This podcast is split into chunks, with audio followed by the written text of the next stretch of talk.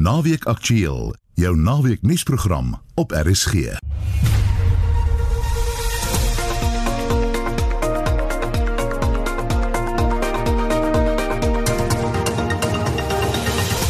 Goeiemiddag. In vandag se program, een van die wêreld se mees gerespekteerde mediese joernale, The Lancet in Brittanje, het 'n negatiewe artikel oor hidroksikloroquine weens verdagte data onttrek. One of the things we noticed about the Australian data is the hospitalised patients in Australia captured by the study were more patients than had been in hospital in Australia at the time, according to government data, hospital data. It was confusing to me how this study had captured more patients than we knew existed at the time. 'n Bietjie later praat ons met 'n mediese kenner hieroor. Ons onthul die moontlike rede agter Afrika se lae COVID-19 infeksiekoers. South Africa right now is doing about 10 tests per thousand of the population. In Nigeria, they're doing 0.2 tests per thousand of the population. And consequently, it shouldn't come as a surprise that there's more cases diagnosed in South Africa than there is in Nigeria. En die groot Nysna brand van 2017 word môre herdenk jy kan jou hele lewe jou aardse besittings kan ek vanoggend in 'n krywa laai. Dis net 'n hoopie as dit sal wat dit is. Welkom by Naweek Aktueel. Die redakteur vandag Hendrik Martin, produksieregisseur Lewona Bekes en ek is Marieta Kreer.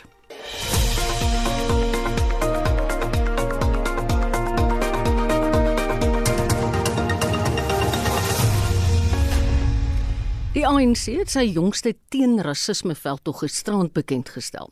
Die veldtog is geïnspireer deur die dood van die Amerikaner George Floyd op 25 Mei aan die hand van polisiebeamptes in Minneapolis in die deelstaat Minnesota. Die party se adjunksekretaris-generaal, Jesse Duarte, het 'n beroep op Suid-Afrikaners gedoen om die veldtog te steun. South Africa is standing to be counted. The USA and its African American community in particular had played a critical role against our own struggle against the institutionalized racism of apartheid. We must, as a nation, add our voice in solidarity to their call that Black Lives Matter. The Alliance, starting Friday, the 5th of June 2020 at 1900 hours, through an event to be addressed by the ANC president and other alliance leaders, will launch its campaign of solidarity with the people of the USA. It will start our own Black Friday, where henceforth we are called upon to wear black on Friday for the next three weeks. The Alliance Anti Racism campaign will also highlight the racism in our own country and against security force brutality. The deaths by citizens at the hands of security forces are of deep concern to the Alliance. Security forces set out in our Constitution must secure the safety of communities and act against crime. They must be tough but act in the spirit of the constitution. En dit was die ANC se adjunksekretaris-generaal, Jessie Duarte. Vir meer oor hierdie onderwerp praat ons nou met 'n voormalige parlementslid en politieke kommentator Dr Pieter Mulder. Goeiemôre Pieter. Goeiemôre Marita. Wat dink jy van die regering se besluit om die stap te neem? Marita, daar kan geen twyfel wees dat die polisie in Amerika hulle magte oorskry het op die manier wat hulle die Floyd gearresteer het. Jy weet om 9 minute op 'n man se nek te staan is 'n misbruik van mag en natuurlik moet dit veroordeel word. Soos ek dit verstaan, ek het mooi geluister, is die versoek om swart Vrydae te hou teen polisiegeweld en rasisme deur die ANC gerig en nie deur die regering nie. Jy weet president Ramaphosa het ook gisterand gevoel in sy toespraak oor die gebeure gesê hy praat as leier van die ANC. Nou dit klink miskien onbenullig, maar tog belangrik om die onderskeid te tref uh, onthou nou uit die ANC se struggle daar was daar 'n noue samewerking tussen die ANC en die swart aktivistiese bewegings in Amerika. En Ramaphosa het dan gisterand uh, daarna verwys. Met in daai agtergrond verstaan ek die ANC se versoek. Ek moet eintlik by sê as die versoek deur die regering gerig was, sou ek dit nie veroordeel het nie, maar ek, ek dink tog ek sou sê dis 3 weke te laat. Hoekom sê ek dit? Ek vra die vraag. Waar was die regering 3 weke gelede? toe Collins Khoza die staatsgeweld deur sy huis doodgemaak. Jy weet 'n regter moes die weermag onder druk plaas om ondersoek te doen en tot nou toe het hulle gesê daar's niks verkeerd nie. So dit is 'n vraagteken. Weet so ek het begrip vir mense wat sê hulle steun swart vir die veld tog en ek dink dit is goed so, maar dan dink ek tot sommer bysit. Wat van die wrede moorde teen die plaasboere bevoel? En onthou ek ook, en ek seker nou stout seker sê, daar was kwai kritiek van die regering toe daar 'n maandag swart veld tog was oor plaasmoorde. Kom ons sê dit alles bymekaar, dan gaan ons met entoesiasme dit kan doen ja. Watter rol speel Suid-Afrika enigsins op internasionale vlak wanneer dit kom by die stryd teen rasisme? Wel as mens nou gaan terugdink, jy weet toe president Mandela president was, dis nou van 94 af, was Suid-Afrika grootliks uh, 'n uh, internasionale simbool van versoening teenoor rasisme. Ek onthou byvoorbeeld die 2001 wêreldkonferensie teen rasisme wat in Durban plaasgevind het, die Verenigde Nasies Kongres. Maar dan moet ek vir jou bysê daarna in die Mbeki se tyd het ons eintlik agteruit gevorder en die opsig het ons eintlik hele paar keer hierdie die muisonde van die wêreld in die Verenigde Nasies ondersteun. Ek onthou byvoorbeeld ons het geweier om te stem vir mosies wat uh, onderdrukking in Kiba of in Myanmar veroordeel het. Ek onthou Mugabe eintlik, ons het vol agter hom gestaan en dit het sonder twyfel ons beeld sleg gedoen en die Mandela beeld bietjie afgetakel. Uh, en en in Zuma se tyd was dit nog erger eintlik internasionaal. Jy weet ek was in 2010, 2011, 12 in Genève waar ek bevoelde mosie en paar gaan vaar gekry het by 'n internasionale organisasie UNPO uh, teen rassewette soos regstellende aksie en simpatie selfs by die menseregte kommissie. Onlangs het die Nederlandse parlement kritiek op Suid-Afrika uitgevoer. So ek dink nie ons speel regtig meer 'n rol internasionaal nie. Ek dink ons het agteruit gevorder, dit is miskien jammer. Verskeie ander lande, nou byvoorbeeld soos Kanada, Frankryk en Nieu-Seeland, het ook solidariteit met swart Amerikaners uitgespreek na Floyd se dood. Daar's optogte elders in die wêreld ook gehou. Hoe is dit dat so baie lande hierop reageer? Wel my ervaring met Nieu-Seeland en is maar my persoonlike mening, Frankryk, Kanada, kan die ander ook noem Australië ook noem, is dat hulle elkeen 'n wrede geskiedenis het, jy weet, teen hulle eie eie oorspronklike inwoners. Gaan lees gerus, ek het al gelees oor die Maoris in Nieu-Seeland, die Aborigines in Australië hoe hulle letterlik uitgemoor is, die Indiane in Kanada. Gaan lees oor Algerië en die Franse.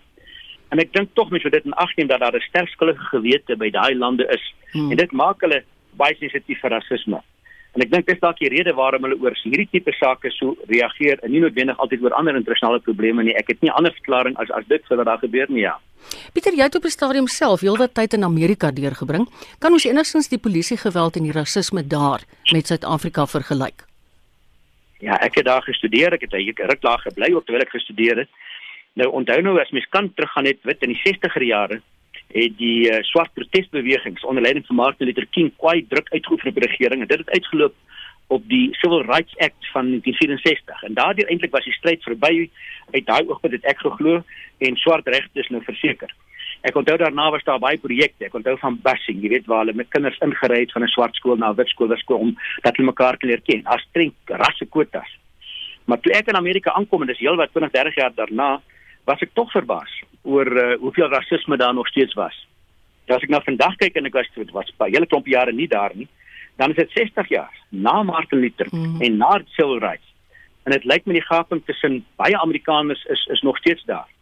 Pieter kan dan, ja, ek skuis tog ek val jou in die rede. Ek wil net vir jou vra, dink jy ons kan parallelle trek tussen Suid-Afrika en Amerika? Ja en nee, jy weet as as hierdie debat is nou 'n rassebril, dan moet mens na die bevolkingsgetalle kyk. Jy weet, kom ek gee 'n voorbeeld.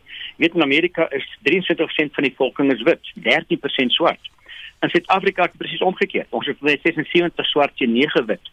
En my ervaring daar in gesprekke interessant genoeg was dat daar meer ooreenkomste tussen die Amerikaanse swart minderheid se posisie en die wit minderheid se posisie in Suid-Afrika. Dit klink baie aardig, maar mense moet dit gaan toets. Albei het gekla. Hulle voel hulle word onderdruk deur die meerderheid. Hulle voel hulle word gediskrimineer. Ek het voor die vraag gevra wat niemand kon lekker antwoord nie weet in Amerika is Barack Obama as 'n swart man president verkies deur 'n bevolking wat 3% wit is. Wat is die kans in Suid-Afrika dat 'n wit man of vrou kom ek noem Trevor Manuel wat kamp daar bruin deurgaan verkies sal word. So daar is parallelle maar ons is ook ver van mekaar af. Hmm. En wat ek net nou net wou byvoeg net Ek dink die hele gebeure moet ons tog ook net sien in die lig van die Amerikaanse presidentverkiesing. Ja. Want nou alles word meer emosioneel, alles word groter en dit maak dat dit moeilik is om die goed met mekaar heeltemal te kan vergelyk. Dit is nie 'n normale jaar, normale tyd nie. November November moet hulle skem stem oor Trump mm. en uh, dit speel tog sekerlik 'n rol. Mm. Wat kan ons lees uit Suid-Afrikaners se reaksie op die regering se besluit om swart Vrydag 'n instelling te maak hier in die land? Wel, soos ek het probeer volg hiervan waar ons almal ingeperk is, is dat daar verskillende reaksies is. Ek het regtig geen reaksies gesien van uh, wit of swart mense wat die polisie in Amerika se optrede goedkeur wat gebeur het met Floyd nie ek is persoonlik regtig ernstig gekant teen argumente wat voel sê daar is nie iets so swart rasisme nie, net wit rasisme. As jy nou na Twitter gaan kyk en sosiale media soos Facebook, was daar blaatante swart rassistiese reaksies en wit rassistiese aksies. En dis wel jammer eintlik. En ek sê dit sê iets van die verskille wat nog steeds bestaan. Hmm. As ek myself moet toets sê ek ek het meer simpatie met die mense wat moeg is vir dubbele standaarde in Suid-Afrika. En ek het nie begin verwys na die reaksie op Colin Kosa ja. in die plaaswoorde. En ek dink as ons dit meer reg kry, gaan jy meer samewerking kry en die meerderheid mense sal daar rondom reageer met die rassiste in die ekstreem kante weerskante. Ek het in die week wat verby is die media dopgehou en koerante gelees en so aan en daar was heelwat reaksie oor die feit dat daar nie aangegaan is oor Colin Kosa se dood nie. Wel is ongelooflik as jy so kyk, mens kan nou sê ja, maar dit was swart op swart, maar dit behoort nie so te wees in ja. Suid-Afrika nie. En die gekheid is dat die regter moes druk op die weermag sit en nou die ongelooflike en ek moet nou versigtig hier's nou hofsaak aan die gang. Die weermag sê die man is uh, onskuldig. Hy het sommer van self dood gegaan nadat hom met geweerkolwe geslaan het. Uh, dit is absurd en die regering het nou skielik begin praat oor polisie brutaliteit en ek is dankbaar. Gisterand het nie Ramaphosa gesê hy's baie jammer daaroor en dan's ek geregtig om te sê man, jy is 3 weke te laat. Hoekom kom jy nou eers wakker nou dat daai ding in Amerika gebeur ja? Pieter baie dankie. Dit was dokter Pieter Mulder. Hy is 'n voormalige parlementslid en nou 'n politieke kommentator. Die regering het aangedui dat hy teen die uitspraak in die Hooggeregshof die afgelope week oor die Grendelperiode regulasies gaan appeleer. Die Hooggeregshof in Pretoria het Dinsdag beslis dat die vlak 4 en 3 regulasies ongrondwettig en ongeldig is. Ons praat nou met 'n regskenner by Ulrich Roo en Vennote Claudine Roberts. Hallo Claudine. Hi Marie, dankie dat jy my het. Nee, dis vir ons 'n voorreg dat jy jou kennis met ons deel. Ons het nou vroeër die week wel daaroor gepraat, maar net weer kortliks. Waaroor het die oorspronklike saak gegaan? Um, Marie, die oorspronklike saak het gegaan um, en die dit is gebring deur Reina de Beer en die gemeenskapsvereniging Liberty Fighters Network uh teen Lamini Zuma na hoedanigheid as die minister van samewerkende regering en tradisionele sake. Um, hulle het onder meer gevra dat alle byeenkomste geldig verklaar word onder voorwaardes uh en dat alle ondernemings, dienste en winkels toegelaat moet word om sake te doen onder streng spoorsorgmaatreëls. Mm. Ehm um, die ver, uh die regter het bevind dat die verklaring van die staat van inperking rasioneel was maar dat die promulgering van die regulasies onder vlak 3 en 4 nie rasioneel was nie en dit was nie in lyn met die doelwit om die verspreiding van die koronavirus te vertraag nie. Claudine se reg as ek sê die hof het toe die applikant Reinout de Beer gelyk gegee in sy uitspraak en wat was sy redes vir hierdie uitspraak want soos hy sê hy sê van die goed was rasioneel ander was nie rasioneel nie. So die rede daarvoor was is die ehm um, hierdie regulasies stem nie ooreen met ons grondwet nie en dit stem nie ooreen oor uh, met die handves van die menseregte wat um, in ons grondwet bestaan nie en dit basies kom daarop neer dat dit ehm um, die regulasies gee vir sekere menseregte, maar dit troef ander mense se hmm. regte, veral in die informele sektor as ons kyk na haarkappers. Ehm um, hulle mag nie onder hierdie regulasies mag hulle nie 'n uh, uh, inkomste verdien nie, maar sekere ander um, sektors mag. So dit dis basies waarop dit neerkom. Dit is nie regverdig nie want nie een persoon se regte is belangrik as die meer belangrik as die volgende persoon se. Stem jy saam met hierdie uitspraak? Ek stem definitief daarmee saam. Ehm um, ek dink die tipe van rasionaliteit was nie korrek toegepas onder die vlak 3 en 4 inperkingsregulasies nie. Ehm um, en ek dink dit is ons grondwet is baie duidelik met betrekking tot die inbraak van menseregte. Ehm um, en uh, daarmee saamgesê kan die minister nie haar magte oorskry deur om te besluit wie se regte mag op ingebraak maak word en ander nie. Mm. Mm. Nou het die regering aangedui hulle wil appeleer. Op grond waarvan kan hulle dit doen, Claudie? Sjoe, um, om te appeleer is nogal dit is 'n moeilike toets. Ehm um, die om appel toe te staan, ehm um, in hierdie geval is die applikant die staat. Ehm uh, moet die staat kan bewys dat daar 'n voor uh, redelike vooruitsig op sukses bestaan of dat daar wel dwingende redes is waarom die appel aangehoor moet word. Ehm um, die blote feit dat daar ja dat die staat betwisbaar is, is nie voldoende um, om verlof te verleen nie. En ons het nog nie ons weet nog nie die redes waarvoor hulle waaroor hulle wil appeleer nie en dit is 'n tel, teleurstellende roete wat die staat mm. gekies het. Um in plaas van om hierdie tyd te gebruik en om die regulasies in lyn met die grondwet te bring en om die die vertroue van ons land terug te wen, um het hulle teen 'n roete van teenstand geneem en dit dit is hartseer. Ek ek wil met jou saamstem met my volgende vraag aan jou sou wees, dink jy dis wys van die regering en veral in landsbelang om te appeleer? Ek dink glad nie dit was wys van die regering nie en ehm um, soos ek sê nie ons weet nie op watter gronde gaan hulle hierdie aansoek bring nie. Ehm um, dit ons sou eerder wou gehad het dat hulle ons dat ons hulle weer kan vertrou met die regulasies wat hulle ehm um, oor 2 weke weer sou uitbring en om dit in lyn te bring met die grondwet. Hmm. Soos ek sê dit is dit is ongelooflik dat iemand wat in die formele sektor soos prokureurs mag 'n inkomste dien maar haar kapper mag nie. Ja. Dit maak net nie sin nie. Jy praat daarvan julle firma het self ten minste 7 mense verteenwoordig wat onder die regulasies in hegtenis geneem is. Hoe het julle hierdie saak benader? Uh so ons het 'n nuwe direktief ontvang um van die hoof van nasionale ondersoek en prioriteitsmisdaad en dit het veral gegaan oor die arrestasie van mense wat um die die regulasies oortree. Watter regulasies? Ehm um, dit nou die inperkingsregulasies dis basies soos die mense wat weier om sosiale afstand mm. ehm mm. um, te handhaaf en om sonder 'n masker rond te loop. En die die feit van die saak is is hierdie ehm um, oortredings is nie gekriminaliseer nie.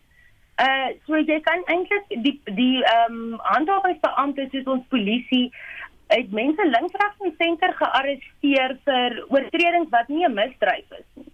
Ja. En ehm um, hoe ons dit is moeilik want ons verstaan daar is 'n miskommunikasie tussen ons ministers en ehm um, die polisie diens.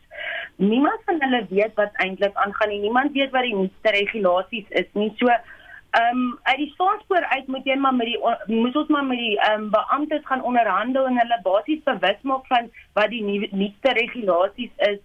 In die geval waar hulle weier as dit 'n borgaansoek is en hulle weier dan ehm um, gaan met ja, ons gaan praat maar net met die aanklaer en die aanklaer het in al die meeste gevalle het hulle nooit die sake geplaas nie want soos ek sê hierdie oortredings is nie gekriminaliseer. Ja, ja, dis nie krimineel nie. Ja. Baie baie dankie Claudine dat ons jou op 'n Saterdag kan pla. Dis die regskenner by die Ulrich Roo in Vernote Claudine Robertse. Ons bly by COVID. Die Weskaapse premier Ellen Windy sê die behandeling van COVID-19 pasiënte met hoë vloei nasale suurstof gaan voortaan 'n belangrike rol speel in die stryd teen die virus. Hy sê dis meer doeltreffend as die gebruik van ventilators om baie siek pasiënte te behandel. Die eerste 6 pasiënte wat in die hospitaal met ventilators behandel is, is glo almal dood. 6 pasiënte wat met hoë vloei suurstof behandel is, het herstel. Vir meer hieroor praat ons nou met dokter Jantjie Taljard, 'n infeksiebeheerspesialis verbonde aan die Tygerberg Hospitaal in die Wes-Kaap. Goeiemôre Jantjie. Hallo, Lief. Die toenemende gebruik van hoë vloei nasale suurstof is eintlik maar nou 'n wêreldwye tendens. Hoekom wil meer dokters dit gebruik? Ek dink dit is duidelik geraak uh, sedert Januarie, Desember toe die die uitbreking in, in China was, was die aan aanbeveling dat ons pasiënte vroeg moet intubeer, dit beteken om 'n pyp in die keel te sit en hulle dan op 'n ventilator te plaas. En dit is die die normale behandeling vir uh, akute respiratoriese noodsindroom wat een van die komplikasies van uh, COVID ook is. Maar soos tyd aangegaan het en die die siekte versprei het na Europa, dan Amerika en by ons, het dit duidelik geraak van van die intensiewe sorgeenhede dat die die meganiese ventilasie of die kunsmatige asemhaling uh gee te hoë druk in die longe en kan die longe beskadig eintlik.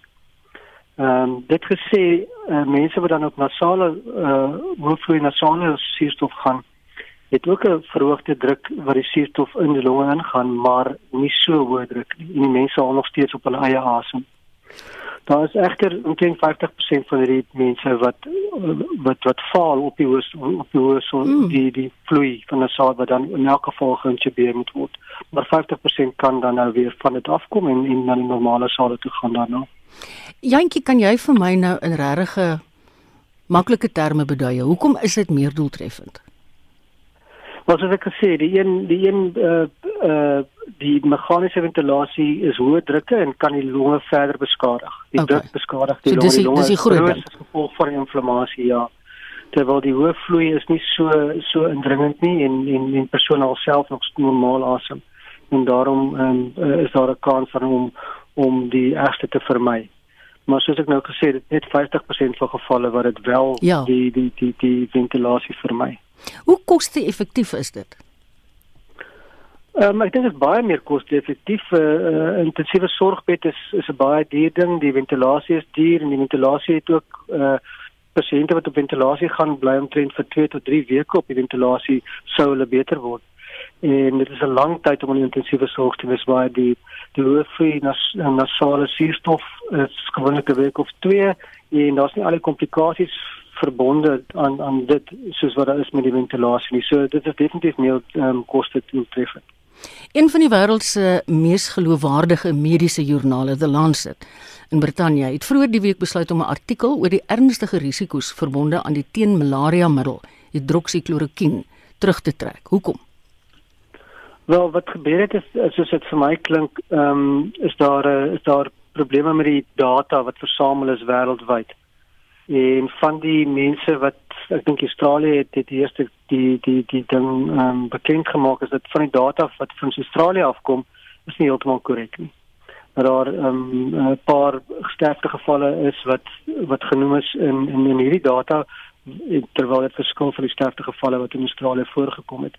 En toe het hulle gaan kyk na hoe die data versamel is en hulle sal nou dit moet her evalueer mm. en terugkom en sê is dit nog steeds uh, geloofwaardig of het dit nou verander? Ja, dis so, interessant ook dat ekskuus tog. Ja, gaan maar, dit, dit gaan maar oor hoe die hoe die ehm um, data versamel is en of dit anders is of nie. Ja, ek het ergens gelees blykbaar wou daai insamelingsmaatskappy nooit hulle bevindinge openbaar maak nie. Ja, ja, dit is alles redelik onduidelik vir almal en uh, dit dit hulle moet dan maar weer die data as mm. as as as hulle dit nie gaan beskikbaar maak nie, is dit natuurlik gaan dit altyd onbekend bly. Maar ek moet bysê gister het um, daar's 'n groot studie wat in Engeland ook gedoen word uh, wat duisende mense insluit waar hulle ook na hydroxychloroquine gekyk het. En hulle het gister uitgekom met 'n uh, vroeë uh, verslag op hulle bevindinge wat ook gesê het dat dit van dit geen waarde byvoeg nie. Hulle het nou nie gesê dat dit dat dit verhoogde mortaliteit tot gevolg het nie, maar gesê dat dit geen verskil gemaak ja. in die groep pasiënte wat wat wat dit ontvang het uh, in vergelyking met die wat dit glad nie vervang het. So hulle het nou daai arm van hulle uh, navorsing het hulle gestop. So hulle gaan glad nie meer doksikloroquine oorweeg as 'n middel nie. Ja, want as jy wat omstredenheid oor die middel, né? Ja, ek dink dit was begin met Trump wat wat gesê het 'n wondermiddel en so aan. Maar ek dink dit raak nou duidelik dat die middel nie baie waarde het nie. Die inligting wat hieroor beskikbaar is, is baie onvolledig en vaag. Sou dit kon bydra tot onsekerheid oor die middel? Ja, ek dink tot tot gister toe definitief, maar soos ek nou sê, dis 'n baie baie betroubare studie uit uit Engeland uit met 'n klomp gevalle wat op 'n ordentlike manier gedoen is en die voorlopige ehm um, inligting is sodoende dat hulle die die die heeltemal gestop het en dis nie meer die moeite werd om te toets nie. So dis die heel eerste geloofwaardige ja. inligting wat ons regtig kry. Nou, dis goed. Daar's verskeie ander name wat ons ook gereeld in die media hoor wat die behandeling van die virus betref, byvoorbeeld Remdesivir wat onder meer teen